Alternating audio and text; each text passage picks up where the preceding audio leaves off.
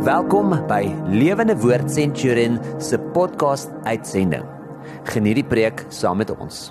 Here baie dankie dat ons U naam kan grootmaak en saam U kan loof en prys. Here, daar's iets van ons wonderlike verhouding met U wat U vir ons in die Bybel leer dat wanneer ons U kom aanbid, dat ons in 'n lied kan uitbreek en U naam besing.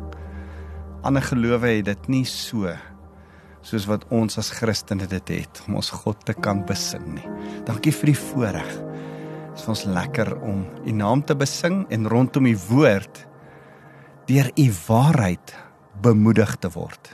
Dankie Jesus. Amen. Dit is vir my lekker om weer so saam met jou te kuier. My naam is Wouter van der Merwe en ek is van Lewende Woord Centurion en uh ek uh, wil jou uitnooi. Jy kan gerus met my gesels. My e-posadres is uh wouter@lewendewoord.co.za. En ehm um, ek wil met jou gesels vandag oor hoop, maar kom ek begin as ek met jou praat oor hoop. Bietjie aansluit by wat ek verlede week gesê het. Uh wil ek begin met Dawid, een van my heroes en ek dink miskien dalk ook een van jou heroes in die Bybel.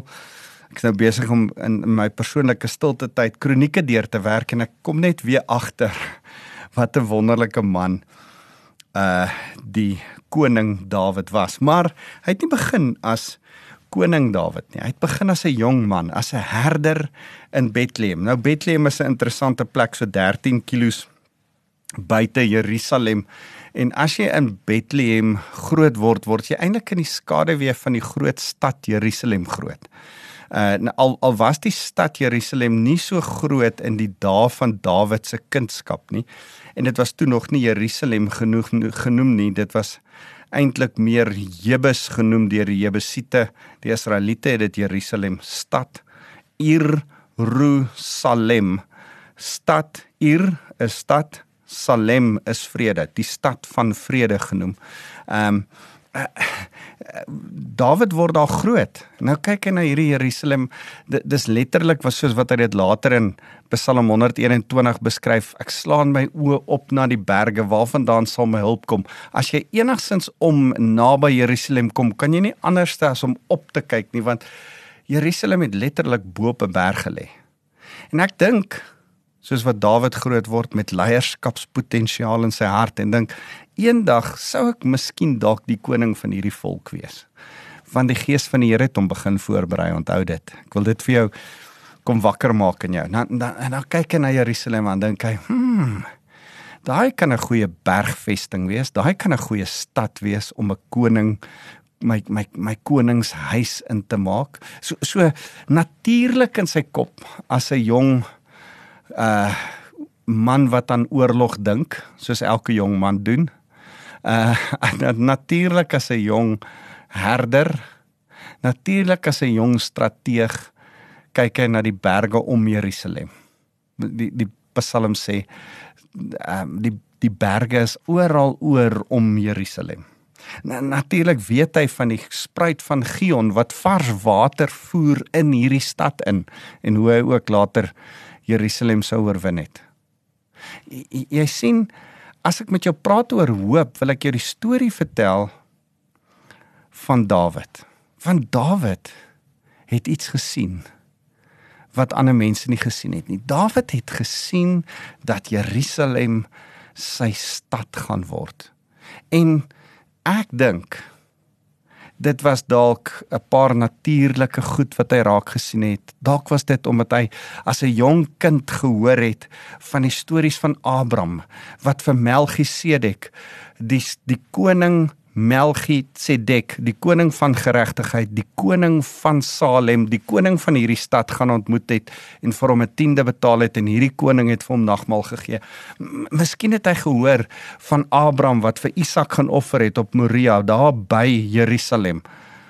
Miskien het hy al hierdie stories as 'n jong Joodse seun geleer of miskien het die Here iets in sy hart kom stir, kom brand, kom en en ek dink altyd aan Psalm 37 vers 3 wat sê verlustig jou in hom en hy sal jou gee, gee die begeertes van jou hart. Kan ek kan ek stil staan by Psalm 37 vers 3. Gaan gaan kyk dit gerus. Dis 'n vers om te memoriseer. Verlustig jou in hom en hy sal jou gee die begeertes van jou hart. Dawid, verseker as 'n jong man, verlustig hy homself in die Here. Hy soek die Here. Hy skryf hom psalms. Hy speel vir hom op die harp.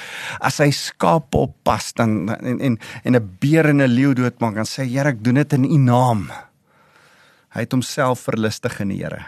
Hy was lief vir die Here. Hy het verhouding met die Here gehad en daarom salf die Here hom as koning. Jy sien, voordat Dawid as koning gesal was, het die Here al begin om 'n begeerte binne in Dawid se hart te lê van regering. Daai Psalm, Psalm 37 vers 3 is so mooi. Verlustig jou in hom en hy gee jou die begeerte van jou hart. Daai Psalm sê eintlik dat die Here sy begeerte jou begeerte gemaak sodat jy dit sal begeer en dis wat met Dawid begin gebeur. Hy begin begeer om eendag Jerusalem God se stad te maak, die stad Salem, die vredestad. Die stad te maak wat eendag aan die Here gaan behoort. Later sou dit die Dawidstad genoem word. Ehm um, in 2010 dink ek was dit 'n uh, uh, uh, 3000 jaar herdenking van die Dawidstad wat Dawid uh Jerusalem ingeneem het. Die Here het iets in hierdie jong man se se hart van 'n hoop, 'n visie, 'n roeping, 'n droom, 'n verwagting geskep wat ek vandag met jou oor wil kom gesels. uh jy, jy moet besef, hierdie was eers die Here se verwagting. Kom ek lees vir jou gou hierdie interessante gedeelte in 2 Kronieke 6 vers 5. Hy sê van die dag af dat ek my volk Israel uit Egipte land gelei het, het ek onder al die stamme van Israel nie 'n stad gekies om 'n tempel in te bou nie, sodat my da naam nie daar sou wees nie. Ek het niemand gekies om 'n leier oor my volk Israel te wees nie, maar nou het ek Jerusalem gekies sodat my naam daar sal wees en ek het Dawid gekies om my volk Israel te lei. En en en die mooi ding is jy het lank reeds geweet en of dit nou geografies is is interessant. So 'n paar goed oor Jerusalem wat ek ek wonder baie keer, ek was al daar. Ek was al 'n paar keer daar en en en dan wonder ek, Here, hoekom hierdie stad? En ons weet nie of dit geografies is die geografiese ligging, die feit dat daar 'n skeidslyn gaan wees, die feit dat daar aan die einde van die tyd sê Openbaring en van die ander geskrifte dat daar dat daar 'n skeur gaan kom sodat die Middellandse See na die dooie see toe sal loop. Uh ek ek ek weet nie is dit die berge, ek weet nie of is dit die uh, wat gaan daar aan? Wat het gebeur? Hoekom is dit so spesiale plek eerstens vir God? Maar toe word dit in Dawid se hart ook 'n spesiale plek. Ek wil nie te veel top oor die 660 keer wat in, dit in die Ou Testament Jerusalem in die Ou Testament genoem word en die 141 keer in die Nuwe Testament nie. Ek wil nie ek maar maar ek wil vir jou sê dit was iemand se droom. Die Here sit 'n droom in Dawid se hart om 'n plek vir die Here te kies, 'n platform te skep. Hy het letterlik 'n 'n dorsvloer platform geskep sodat die tempel daarop gebou kan word. Hy hy bou self nie die tempel nie, sy seun Salomo bou die tempel, maar die Here sit in sy hart die begeerte tot Jerusalem. Die Here wil het 'n langtermynprojek. Die Here het 'n koninkryk wat hy bou. Die Here het iets en en nou vat hy vir Dawid en hy sê Dawid op pad in die bou van my koninkryk wil ek e-, eers Jerusalem gaan wen by die Jebusiete. So ek wil eers binne in 'n jong man se hart begin stuur om Jerusalem myne te maak. En en en en, en nou wil ek vandag vir jou sê, waar stuur die Here jou hart sodat hy deur jou in sy koninkryk kan werk. Jy sien Dawid vang hierdie. Dawid klik hierdie. Dawid besef maar maar maar ek ek is die Here se en ek het so begeerte om Jerusalem as hy in sy psalms praat praat hy oor en oor van Jerusalem. Man selfs as hy sy ek het weer Psalm 51 gaan lees. As hy as hy berou het oor sy sonde met Batseba en Nathan die profeet hom konfronteer, dan eindig hy met Here, mag ek Jerusalem se mure asseblief herbou tot u eer. Here mag ek mag mag ek net kom en en 'n lofoffer, 'n 'n jammer sê en dankie offer aan U bring. Ek wil 'n stad vir U kom gee. Vergeet van 'n van 'n bees of 'n skaap of 'n paar rand. Ek wil vir U 'n stad kom gee. Waar het hierdie begin? Dit was al jonk in Dawid se hart. Ek ek wil jou dit wys. Blaai gou saam met my. Een manier hoe ons dit sien is Dawid oorwin vir Goliat uh 1 Samuel hoofstuk 17. Gaan lees dit. Dit is so 'n lekker storie om weer te lees. Almal van ons het dit al gehoor en en en ek wil jou weer aanmoedig gaan lees weer Dawid wat vir Goliat oorwin, want eintlik oorwin Dawid uh die bose die een wat God vloek, die een wat teen God staan, die Filistyne. Dis interessant. Ons ons mis so baie van dit in die vertaling, nê.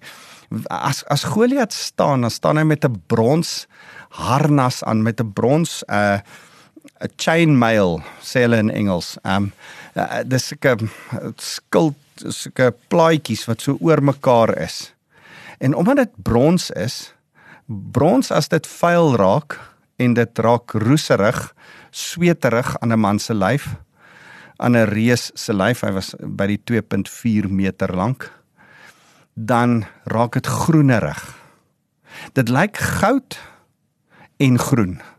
Ja, as hy blink gevryf is, is dit goud maar hier waar die skakeltjies bymekaar kom en jy nie oral dit tussen al die skakeltjies kan kom nie, is dit groenerig. En en en die woord vir brons is eintlik dieselfde klink soos die woord vir slang in in Hebreëus so wat wat verlore raak in die vertaling wat so ja jammer is is dat Goliat soos 'n met sy met sy armer wat geskitter het van brons en groenerig lyk gee die die beeld van 'n slang. David wat die slang se kop vermorsel is 'n tipe van Christus in hierdie storie. Lank voor dit Jesus die slang se kop sou vermorsel. Ehm um, maar ek ek raak weggevoer oor die verkeerde goed. Laat ek nou vinnig vir jou sê. Vers 54. Nadat hy 'n Filistyn se kop afgekap het, Dawid het die kop van die Filistyn geneem. Hy het hy die Filistyn se eie eysterswaard gebruik. 'n Hele ander storie van 'n eysterswaard. En dit na Jerusalem gebring. Dawid het die kop van die Filistyn geneem en dit na Jerusalem gebring. Die Filistynse wapens het hy in sy eie tent neergesit. Kom ek gee jou net gou perspektief. Jerusalem op hierdie stadium van 'n 17-jarige Dawid behoort nog nie aan Israel nie. Dit behoort aan die Jebusiete. Hoekom vat Dawid die koning die die die, die Goliat die die kryger van die Filistyne se kop na die Jebusiete se stad toe? dit is geweldig interessant. Hy doen 'n profetiese aksie. Hy besef die Jebusiete. Die Here gee hom 'n begeerte om om Jerusalem te verower. En en hy stap na die Jebusiete se stad toe en hy gaan wys hulle hierdie reus se kop. So 'n bietjie later staan daar in vers 58 toe Saul hom nader bring, toe hy nog die Filistynse kop in sy hand. Toe sê hy op pad Jerusalem toe. Uh in Jerusalem wys hy uh die Jebusiete die die die die Filistynse kop. En wat hy vir hulle eintlik wys, hy hy sê nie vir hulle iets nie. Hy wys vir hulle want hulle het vir hulle vyande gesê ons is nie bang vir julle nie. En die manier hoe hulle dit gedoen het die Jebusiete is deur hulle vyande se koppe op hulle muur uit te stal.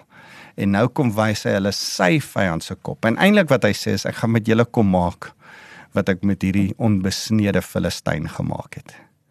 En dan volgens die Midrash, volgens die Joodse oorlewering gebeur 'n geweldig interessante ding. Hulle sê hy hy hy begrawe die Filistynse kop op die pad uit na Damaskus by 'n klein koppietjie net buite Jerusalem. en dit word later genoem die plek van die skedel want dis waar 'n skedel begrawe is. En en wat ook interessant is is dit word later Gol Gotha want Goliat van Gat is daar begrawe. Uh, baie interessant dat Dawid daar die een wat hy sy kop vermorsel het, se kop gaan begrawe met die afwagting om na Jerusalem die Here se te maak met die afwagting sonder dat hy dit weet dat die Messias uit sy geslagslyn sal kom sodat vir ewig Satan se kop op Golgotha vermorsel sal word. Man, die Here is met jou besig as jy begin droom en jy begin in sy lyn droom, dan sy besig met jou waaroor jy nie eers weet nie. Maak my so opgewonde as ek begin besef dat dat Dawid het 'n droom gehad en en en en wat ek vir jou wil sê vandag is jy kan nie sonder hoop nie. Ek ek ek lees uh, uh, oor oor Viktor Frankl. Geweldig interessante ou. Viktor Frankl was 'n Joodse psigiater wat uh die konsentrasiekampe oorleef het en hy vertel hoe mense nie die konsentrasiekampe oorleef het nie want hulle het nie hoop gehad nie. En en sy hele psigiatrie is gebaseer op die feit dat jy moet hoop hê, jy moet 'n lewensdoel hê, jy moet jy moet weet waarvoor jy gaan. En en hy sê life has only meaning if we have a hope that suffering and death cannot destroy. Weet jy wat? Ek en jy het so hoop. Sy naam is Jesus. Ons het 'n vaste wete dat Jesus Christus ons hoop is.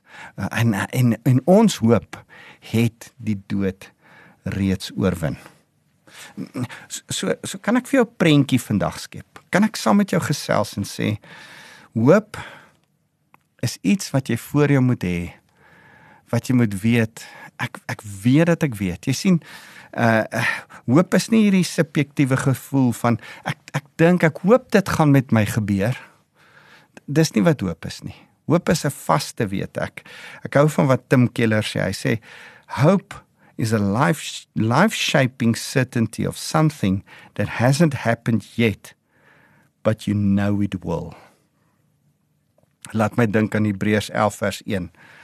Hebreërs 11 vers 1 sê geloof is die die vaste hoop dat dit wat ons nie sien nie wel sal gebeur en wel sal wees. So so, so hoop is om te weet dat die Here ons gaan verander. Ons gaan maak soos wat hy is. Paulus sê ons ons ons verstaan nie hoe dit gaan lyk nie. Dit gaan verganklike gaan met onverganklike bekleë word. Ons ons gaan heeltemal verander word in 'n oogwink. On, ons verstaan nie hoe dit lyk nie, maar ons gaan in Christus wees en vir ewig saam met hom leef. Dis die hoop waar ons ons vashou. En ek ek ek wil vir jou vandag 'n prentjie skep van langtermyn hoop. Waarna ek en jy moet vashou. Sy naam is Christus. Ek en jy het hoop dat ons vir ewig saam met hom gaan leef. Maar voor dit is daar nog hoop. Ek het net 'n roeping. Ons is nog nie hemel toe nie. Ons leef nog nie saam met hom nie, want op hierdie aarde het ons 'n plan en 'n roeping en 'n funksie, 'n rol, 'n droom, 'n verwagting wat wat hy in ons skep, wat hy soos wat jong Dawid 'n verwagting gehad het om om Jerusalem syne te maak sodat dit God se kan wees, sodat die tempel daar gebou kan word. Het ek en jy ergens in ons lewe 'n verwagting, 'n hoop, 'n droom wat die Here vir jou spesiaal maak, uitsit en sê eendag gaan ek met jou dit doen want my koninkryk gaan daarby baat vind. Man, ek dink nog voor dit hak baie mense vas en hulle hulle hoop om geld te maak. Hulle hoop om 'n groot huis te hê. Hulle hoop om 'n gelukkige huwelik te hê. Hulle hoop om lekker te lewe. Hulle hoop om gemaklik te wees dis hopeloos hierdie goedjies sonder dat God verheerlik word. Ek ek ek het hierdie ding van in jou gebedslewe moet jy bid sodat kan ek dieselfde sê vir jou hoop lewe. Jy kan nie hoop op goedjies sonder dat jy vra sodat Here, ek ek wil hierdie hê sodat my lewe op die ou einde dit kan word sodat u koninkryk verheerlik kan word. Jy sien ek ek ek sit met 'n begeerte in my hart sodat in Suid-Afrika elke dorp en stad in ons land weer 'n geesvervulde kerk sal hê wat hulle gemeenskappe verander en impakteer. Ek glo met my hele hart, die kerk is die antwoord vir Suid-Afrika, nie 'n politieke party nie. Sorry, ek is nie ek ek glo nie die politici kan dit doen nie nie een van die politieke partye nie. Ek glo nie 'n celebrity kan dit doen nie. Ek glo nie geld kan dit doen nie. Ek glo nie dat die verandering van 'n wêreldvisie dit kan doen nie. Ek glo dat die kerk van die Here gemeenskap vir gemeenskap, dorp vir dorp, transformasie en herlewing in Suid-Afrika kan begin. My passie is om te sien dat daar dorp vir dorp weer herlewing kom. Daar was 'n tyd dat jy in elke dorpie in die Vrystaat, na elke dorpie in Transvaal, waar jy ook al gery het in die Kaap, as jy so aangery kom met daai kerktoring ver bo die dorpie uitgekom en het jy eers die kerktoring raak gesien en was dit soos 'n baken dat daar is 'n baken vir Christendom. Hierdie dorp is om die kerktoring gevestig. Dit is nie meer so nie. Ons land het verval. En my begeerte is om te weet te sê dit wat Andrew Murray voor 40 jaar gebid het elke Vrydag aand op sy knieë en gesê het Here gee my Afrika. Here gee my Suid-Afrika. Here gee my dorpe en stede wat U dien. Here dorpe en stede gaan tot bekering kom tot herlewing kom net as daar kerke weer geplant word wat gesond is, reg is, goed verloop, pastore is wat versorg is, predikante wat U die dien. Dis my begeerte, dis my Jerusalem wat die Here my voorroep. As jy vra wat ster in my hart, dis wat ster. Dis wat die Here kom Psalm 37 vers 3 Verlustig jou in hom en ek sal jou gee die begeerte van jou van jou hart. Die begeerte van my hart is Here elke dorp en stad in ons land 'n kerk wat 'n gemeenskap impakteer. Geen nie om wat se wat se denominasie op daai kerk se deur staan nie. Here mag kerke gemeenskappe verander. Mag kerke gemeenskappe weer her, tot herlewing bring mag die herlewing so wees dat daar nie armes in dorpe sal wees nie. Dat die strate nie meer potholes sal wees nie, dat die riool sal werk as gevolg van die kerk. Dit dis my begeerte. Dis my begeerte om geestelike leiers, dominees en pastore te bedien sodat hulle die veranderings verskil kan word in hulle gemeenskappe. Dis my Jerusalem waar ek droom, ek smag. Dis hoekom ek die Goliat wil verslaan en gaan wys vir die politici, vir die korrupte ouens in ons land. Kyk, ons sal julle verslaan. As as ek hieraan dink, dan dink ek uh, Abraham het 'n droom gehad. Die Here sê vir Abraham, uh, Genesis 12, ek ek gaan van jou 'n groot nasie maak. Ek van gaan van jou 'n nageslag word.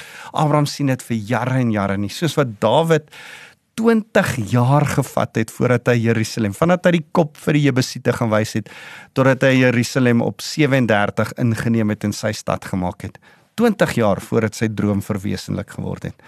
Ek gee nie om hoe lank dit vat nie. Ek gaan bly droom. Here, 'n kerk, gemeenskapskerk in elke dorp en stad in ons land. Abraham het so 'n droom gehad. Abraham het vir die Here gesê: "Here, ek wil sien dat u 'n nageslag het want die Here het vir hom gesê Abraham ek beloof vir jou 'n nageslag. En die wat jou seën sal geseënd wees. En die wat jou vervloek sal vervloek wees. En jy sal 'n groot nageslag hê reg oor die wêreld en vandag nog is daar mense reg oor die wêreld wat die nageslag van Abraham is. Die Here het sy belofte gestand gedoen. Maar weet jy wat het met Abraham gebeur? Ons ken die storie. Hy moes Isak gaan offer. ek ek ek wil vir jou hierdie gedeelte lees. Ehm um, as as ek oor hoop praat, raak ek so opgewonde. Daar's so 'n klomp skrifte wat ek vir jou wil lees. Ehm um, gaan lees asseblief Efesiërs 1 vers 18. Ek gaan dit nie nou lees nie, maar ek ek wil na Hebreërs toe blaai en vir Hebreërs lees, want die Here is besig met Abraham. Nou sê hy in in Hebreërs dan sê hy oor Abraham toe God ek lees vanaf vers 13 toe God aan Abraham 'n belofte gemaak het het hy het hy aangesien hy niemand belangriker gehad het as by homself nie by homself gesweer en het gesê ek sê jou ryklik seën en jou vervuldig laat vermeerder. Dis jou Jerusalem. Abraham. En dan gaan dit verder, ek wil vir jou verder lees. Daar vanaf vers 18 en sê die doel daarvan dat dat was dat deur hierdie twee onveranderlike dinge, die feit dat die Here beloof het en gesweer het. Uh dit vir God sou onmoontlik wees om te lieg. Uh en daar 'n kragtige bemoediging sal hê om vas te hou aan die hoop wat voorlê. Abraham het vasgehou aan die hoop. dan sê hy ons het hierdie hoop as 'n veilige en stewige anker van die siel wat tot aan die binnekant van die voorhangsel ingaan. Dit is waar Jesus ons voorloper ter wille van ons ingegaan het, die hoëpriester vir ewig geword het volgens die orde van Melchisedek. Kan ek vir jou sê, ek en jy het 'n anker. Dis Jesus. Hy is ons hoop. Ons hou vas soos wat Abraham uh, uh, soos wat uh, uh, uh, Abraham vasgehou het aan die aan die feit dat die Here vir hom beloof het dat hy 'n nageslag sal hê. Op 'n stadium moet hy hierdie nageslag se eerste een se begin gaan offer. En dan sê Hebreërs 11 vers 17 so interessant. Hy sê deur geloof het Abraham toe hy getoets is Isak as offer aangebied en hy was op die punt om sy enigste offer wat hy die belofte van ontvang het aan wie hy gesê het deur Isak sal daar vir jou nageslag wees omdat hy gereken het dat God die mag het om ook uit die dood uit op te wek waaruit hy figuurlik gesproke kom. Ja eh, eh, het hy hom terugontvang het. Jy, jy sien Abraham het gesien al offer ek vir Isak sal die Here Isak uit die dood uit laat opstaan. Abraham het 'n profetiese visioen gesien van ek glo in die opstandingskrag van God groter as die dood. Dis die geloof van Abraham. Dis waaraan Abraham verby dit sien want die die Here praat met Abraham oor 'n belofte en jou belofte wat in jou verwagting sit, wat hier binne in jou sit. Verlede week het ek met jou gepraat oor 'n ding wat die Here vir my gesê het van jou sukses het meer te doen met jou verwagting as wat dit te doen het met jou verlede of met jou toeval. Dis nie toevallig dat jy suksesvol gaan wees nie. Dis nie dis, nie as gevolg van jou verlede dat jy suksesvol sal wees nie. Nee nee. Wanneer daar 'n verwagting is, want jy droom saam met die Here wat die Here oor jou droom. Abraham het saam met die Here gedroom. Dawid het saam met die Here gedroom. Hulle het 'n prentjie voor hulle gesien wat daar nog nie was nie. En die Here het hulle dit begin wys. Ek wil vir jou sê, maak nie saak hoe moeilik jou omstandighede is nie. Droom saam met die Here. Daar was 'n tyd wat Abraham sy Isak moes gaan offer, maar die Here het gesê en hy het geglo. Daar was 'n tyd wat Dawid deur moeilike tye gegaan het. Sy skoonpa het hom gejaag deur die hele woestyn. Hy saam met 'n klomp hooligans in 'n grot gebly. Uh sy sy Filistynse baase vir wie hy gaan werk het want hy het nie werk gehad nie het hom gefire. Sy eie manne wou hom doodmaak. Hy steur verskriklike goed voordat hy Jerusalem gekry het. Maar hy het nie omgegee nie. Hy het verby al hierdie goed gekyk want hy het in die droom in die hoop vasgehou van die Here sê vir my Jerusalem. Jy sien ek wil vandag vir jou sê. Jy korte Jerusalem in jou lewe. Jy kort 'n droom, jy kort 'n verwagting, jy kort 'n iets wat die Here in jou skep, wat die Here sê ek het jou gemaak vir hierdie ding. Esther, you are made for such a time as this. Dis hoekom ek jou geskaap het is om oor Jerusalem te droom want ek wil iets later daarin doen ek wil my tempel daan bou. Ek wil hê dan moet 'n nageslag wees. Esther, ek wil hê jy moet uh, die prinses word sodat jy die koningin kan word, sodat jy jou volk kan red. Ek wil vir jou sê, jy het nodig om by die Here te gaan sit en te gaan droom oor hoekom hy jou gemaak het. Wat in jou toekoms is. Waartoe hy met jou op pad is. Wat is jou Jerusalem? Wat is jou nageslag? Ek wil afsluit met 'n incredible mooi skrif oor Jesus se droom sy ou einde, sy prentjie wat hy voorop stel. Hoor wat sê hy? Hebreërs 12 vers 2. Die oë gerig op Jesus, die leidsman, die volëinder van ons geloof. Hy wat ter wille van die vreugde wat vir hom in die vooruitsig gestel is, die kruis verduur het, die skande daarvan gering geag het en sy plek aan die regterhand van die troon van God ingeneem het. Wat is die vreugde wat hy voorop gestel het? Wat is die hoop wat hy gehad het? Wat is dit wat hy vooruit gesien het? Dis ek en jy. Hy het my en jou raak gesien. En en en nou sê Hebreërs 12 vers 2 dat toe hy deur skande en pyn en 39 houe en hande deurboor aan die kruis en en en die verskriklikste lyding gegaan het, was dit ten spyte van al die lyding vir hom 'n vreugde want hy het vir, aan my en jou se verlossing gedink. Wow. Here, dankie. Dankie vir dit. Dankie dat daar 'n Jerusalem in u oë was. Dit was ek. Dit was jy. Kom ons bid saam. Here, ek wil soos Dawid kom uitroep toe hy dit gemis het weer 'n keer in sy lewe. O, oh, Here, skep in my 'n rein hart. Vernuwe 'n standvaste gees binne in my. Gee dat ek sal raak sien, gee dat ek sal onthou U is met my eers heen op pad. Ek het 'n droom, 'n Jerusalem droom. Here mag ek dit nie mis nie. Moet asseblief nie u gees van my af wegneem nie. Here, ons het die Heilige Gees nodig.